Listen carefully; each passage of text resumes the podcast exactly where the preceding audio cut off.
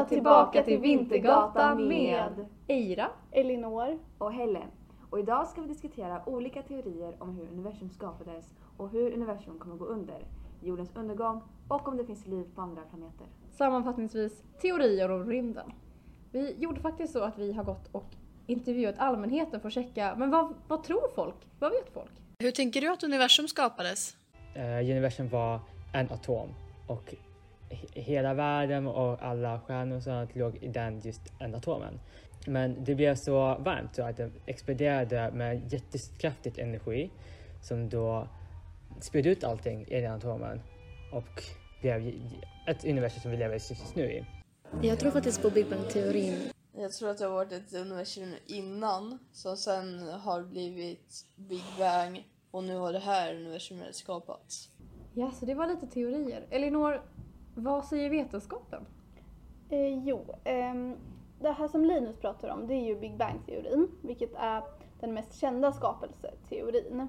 Och det är ju precis som han sa, att den går ut på att universum var samlat i en enda liten punkt och den här atomen han pratar om så syftar ju han på en singularitet som sedan exploderat med enorm hastighet och skapat hela universum. Och det underlag som finns för att Big Bang har ägt rum det är rödförskjutningen, den kosmiska bakgrundsstrålningen och mängden väte och helium som finns i universum. Men vad menar du med den kosmiska bakgrundsstrålningen? Eh, jo, med bakgrundsstrålningen så menas att eh, det tros vara återstående värme från Big Bang. Och man har mätt det här genom radiovågor som kom in för 13,7 miljarder år sedan när universum skapades. Vad är det man kan eh, dra för slutsatser om mängden väte och helium? Eh, jo, det är att stjärnor de slår ju ihop väte till helium i en fusionsprocess. Men man har räknat ut att det finns mycket större mängd helium i universum än vad alla stjärnorna kan ha hunnit skapa på 13 miljarder år. Och eh, därför utgår man från att det inte längre skapas eh, något nytt väte utan att allting skapades vid samma tidpunkt. Om universum utplånas, hur tror du det kommer gå till? Jag tror faktiskt inte att allting kan utplåna oss. Jag tror inte det finns någonting så stort energi. Univers... Det tror jag nog inte. Men det är ju många som tror att universum inte kommer gå under. Men vilka vetenskapliga teorier finns det? Eh, jo, så är det. Att ända sedan Big Bang har universum fortsatt att expandera. Och universums expansion kan delas in i tre delar, nämligen inflation, expansion och acceleration. Men forskare undrar ju hur länge den här expansionen kommer att fortsätta och så vidare. Så den första teorin kallas för the big chill, vilket innebär att med tiden kommer stjärnorna i universum att få slut på bränsle och därför svalna i takt med universums expansion. Och eh, när vätet tar slut så kommer universum att ha en väldigt hög koncentration av svarta hål som också då suger in all materia. Och enligt Stephen Hawkings teori om svarta hål så kommer de att sända ut värmestrålning och förlora energi vilket gör att alla svarta hålen efter ofantligt lång tid kommer att dunsta bort eh, och endast elementarpartiklar kommer att återstå. Och då kommer universum att svalna helt och temperaturen går mot den absoluta nollpunkten. Och sen är det liksom inget mer som händer. Så allting bara chillar ner till ett stopp. Precis. Sen har vi en annan mer dramatisk teori som kallas för the big rip. Och den går ut på att universums expansion kommer att accelerera jättemycket eh, beroende på mängden mörk energi i universum. Och det kommer att leda till att inga nya stjärnor kan bildas men det kommer fortfarande att finnas väte kvar.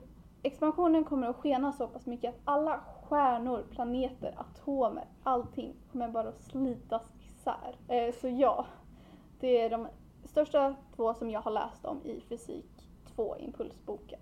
Jorden kan ju också eh, dö på något sätt. Hur tänker du att vi lär dö ut? Vi sugs in i ett svart hål eller att solen exploderar och bara... Allting dör. Atomvapenkrig, eh, miljöförstöring eller att det kommer typ en jättestor komet som inte, vad heter det, atmosfären hinner kompensera så att den är enorm och kraschar med jorden. Att komet om um, vår värld, vår jord uh, misslyckas med att liksom, skydda. Vi själva kan utplåna oss själva. Nu tänker jag på krig och liksom radioaktiva ämnen när kommer missiler och världskrig och sånt som det händer just nu. Solen kan ju utplåna oss. Expandera eller att den släpper en viss energi ur solen. Jag tror att jorden kommer kunna förstöras om vi fortsätter förstöra klimatet och sånt. Stor komet tror jag kan komma. Men aliens, inte osäker men kan också komma. Eh, ja, så det verkar ju som att det är många som tror att vi kommer utplåna oss själva här på jorden. Men vad finns det för utomjordiska hot? Jo men de talade lite om det tidigare, till exempel det här med solen. Att i dens livscykel så kommer den ju expandera och bli en röd jätte. Och därmed också kunna bli så stor och bred att den slukar upp jorden eh, i en eldsvåg eller något sånt. Och det kommer absolut kunna hända men det är väldigt långa perspektiv så det är ungefär 7,59 miljarder år från och med nu. Så det är ingenting som kommer hända under vår levnad.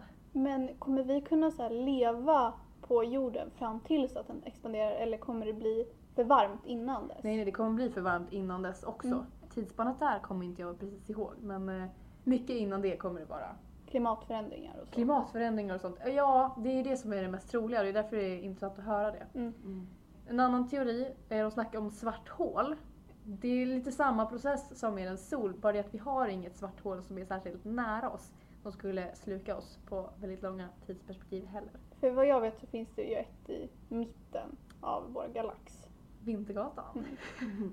eh, men det är inte väldigt troligt att den slukar oss på om en vecka sådär. Nej, väldigt långt. Väldigt lång tid. Liksom. Eh, och samma eh, så här, långtidsperspektiv är det med asteroider. Som de pratar om. Fast de snackar om kometer, det är lite is eller sten. Men eh, så här, ska vi människor dö ut, då kan ju en sån här asteroid ta koll på oss. Men skulle hela jorden behöva dö ut, då behöver vi någonting som är ungefär lika stort eller större än jorden. Eh, det finns ett väldigt häftigt exempel i filmen Melancholia där det är ja, en planet som kallas för Melancholia som är flera gånger större än jorden som krockar in. Det är lite gravitationsproblem som inte är riktigt realistiska i den filmen men den är väldigt intressant. Men det skulle alltså behöva något väldigt stort för att hela jorden ska gå sönder. Men vet du hur vi kan skydda oss ifall en komet kommer mot jorden? Eller en asteroid? Ja, gravitationen om jorden drar ju den snarare till oss så det skulle behöva någonting som rubbar den banan. Och NASA har väldigt nyligen gjort ett experiment eh, där de sände en eh, satellit Mm. för att krocka in i en ja, meteor, meteorit, En asteroid tror jag det asteroid. var. Mm. Ja, eh, för att se ifall man skulle kunna krocka dens bana. Och jag vet inte om resultatet har kommit ut Det än. blev ju Ja, små vad, jag, förändringar ja, vad. NASA kom ut med så var det att de hade lyckats rubba banan lite men det var inga stora Ja. förändringar. Nej. Så skulle vi behöva börja sända ut väldigt, väldigt stora satelliter. Då kanske vi skulle kunna rädda oss. Hur det här att skydda oss mot utomjordingar skulle gå till, det har jag ingen aning. Men eh, det kanske Helen har Helen vet mer om. Ja. Tror du det finns liv på andra planeter? Ja, jag tror det. Det måste nästan finnas den. Det kan ha funnits. Ja, det tror jag säkert. Vi bara vi inte har hittat det än. Och vad för typ av liv? Oj. Som oss människor fast lite annorlunda, ser lite annorlunda ut. Ja, de verkar vara överens om att det lär finnas något liv. Men Helen, vad säger vetenskapen? Jo, men det korta svaret är att vi vet inte. För i nuläget finns ingen bevis för liv i rymden. För när man söker efter exoplaneter så letar man efter beboeliga planeter. Eh, Men vad menas med att en planet egentligen ligger i den beboeliga zonen? Jo, det menas med att den här planeten måste ha en temperatur mellan 0 till 100 grader Celsius och någon typ av flytande vatten. Och bara generellt en planet som har likheter med vår planet jorden. Och en sådan planet har man hittat, vilket är Kepler 22b, som är den mest jordnära planeten som vi hittat hittills. Men vi har även hittat andra himlakroppar, såsom Jupiters måne, Europa. Och det är just Europa som många forskare har fascinerats över. För Europas yta är täckt med ett istäcke med sprickor där ny is kan bildas. Men nu har astronomer undrat vad som händer med den gamla isen när den nya isen bildas. Och det som händer är att den gamla isen trycks ned i marken och smälter ihop med den underliggande isen. Och då bildas ett hav under istäcket. Och hav är ju vatten och det är ju ett kriterie för att det ska kunna finnas liv.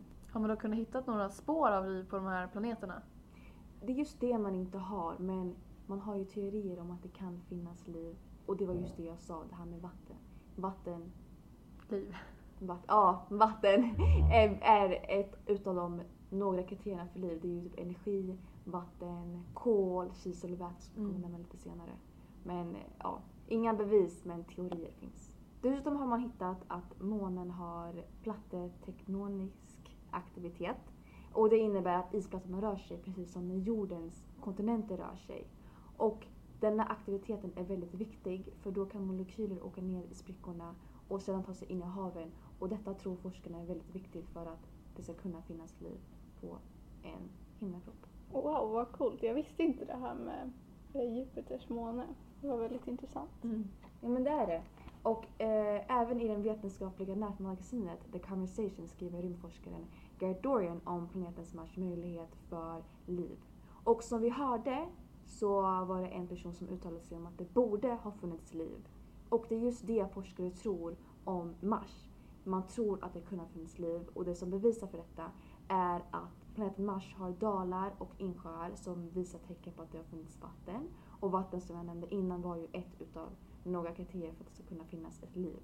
Och dessutom har man med hjälp av en rymdrobot hittat organiska ämnen som kan vara tecken på ett förhistoriskt liv. Så vi är ju ändå på rätt spår. Det är bara att vi måste utöva de här teorierna.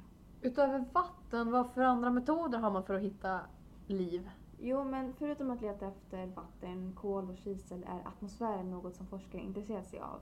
Och detta ska man göra med hjälp av instrumentet SIRS som ska kunna analysera atmosfären och på så sätt visa tecken för liv. Men just nu kan det här instrumentet bara upptäcka exoplaneter. Men nu är syftet att förbättra den så att den kan hitta exoplaneter med potentiellt liv. När man då letar efter liv så letar man efter en atmosfär som kan stabilisera temperaturen och fördela värmen jämnt på planetens yta då det är en förutsättning för liv. Och det viktiga med atmosfären är att i atmosfären så finns det molekyler som eh, kan då vara en produkt av biologiska processer. Och det är just det som forskarna tror kan vara ett tecken för liv. För biologiska processer har ju med liv att göra. Mm. Men nackdelen med den här metoden är att ljuset från planetens närmaste stjärna är så stark att den dränker planetens egna ljus. Vilket då gör att man inte ser ljuset helt och hållet.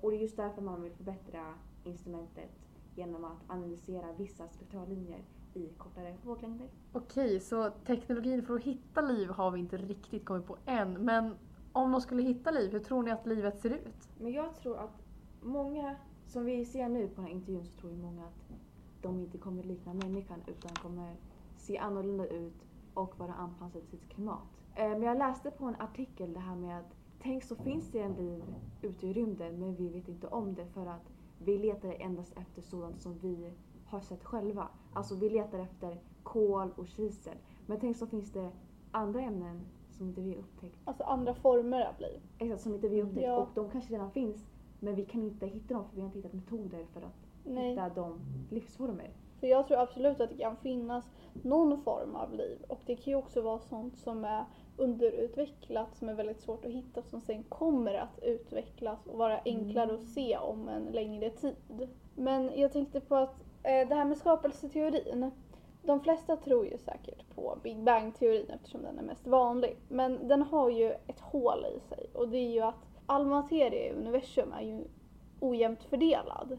Men den borde egentligen vara jämnt fördelad eftersom att universum i stort sett ser likadant ut överallt och har samma temperatur. Men om all materia hade varit jämnt fördelad så hade det varit mycket svårare för galaxer och stjärnor att ja, men, klumpa ihop sig och bli till det. Så det är faktiskt en grej som forskarna inte har svar på när det kommer till Big Bang-teorin. Men jag undrar, era åsikter, vilken av de här teorierna om universums undergång gillar ni mest? The Big Rip eller The Big Chill? Jag har sedan länge sedan hört om det här The Big Chill men jag tycker det känns väldigt Tråkigt. nästan. tråkigt, tragiskt men också lite betryggande för då vet vi att det kommer inte ske snart. Inget så här extremt Nej. på en gång. För jag har ju hört om en eh, typ eh, vakuumteori också. Att, Ja. eh, men då går vi in på multiverse, att en annan universum skulle typ skapa en spricka och så blir det att allt vakuum fördelas. Mm. Eh, så det bara instant death. För den tycker jag var väldigt spännande. Men det är ju en teori som man inte heller har pratat lika mycket om. Men den är intressant, det håller jag med om. Helena, vad tänker du? Hur kommer universum gå under? Nej men jag tror nog på the big chill. Ja men att vätet i stjärnorna kommer ta slut och sen kommer allting bara att svalna för att det låter mer rimligt. För vi vet ju redan nu att vätet minskar, eller hur? Ja, Eh, precis. så det lå- låter mer rimligt att universum kommer gå under på det sättet än att allting bara slits isär. Alltså det låter väldigt, eh, Dramatiskt. Extremt. ja dramatiskt och, Och- extremt. Och speciellt eftersom man har, enligt Big Bang-teorin så skapas ju inget nytt väte i nutida universum. Så därför är det ju väldigt troligt att det kommer ta slut. Alltså det finns mycket teorier och man kan hålla på och gissa sig fram men vi kommer ju aldrig riktigt veta säkert och vi har inga bevis på exakt hur någonting kommer gå till. Så jag tycker att vi avslutar podden med några visa ord från Linus. Alltså, jag tror inte man... Att tänka på en specifik grej är inte det bästa sättet, för då är man liksom blind i de andra olika uh, sätt att, att bli utmanad. Hej då!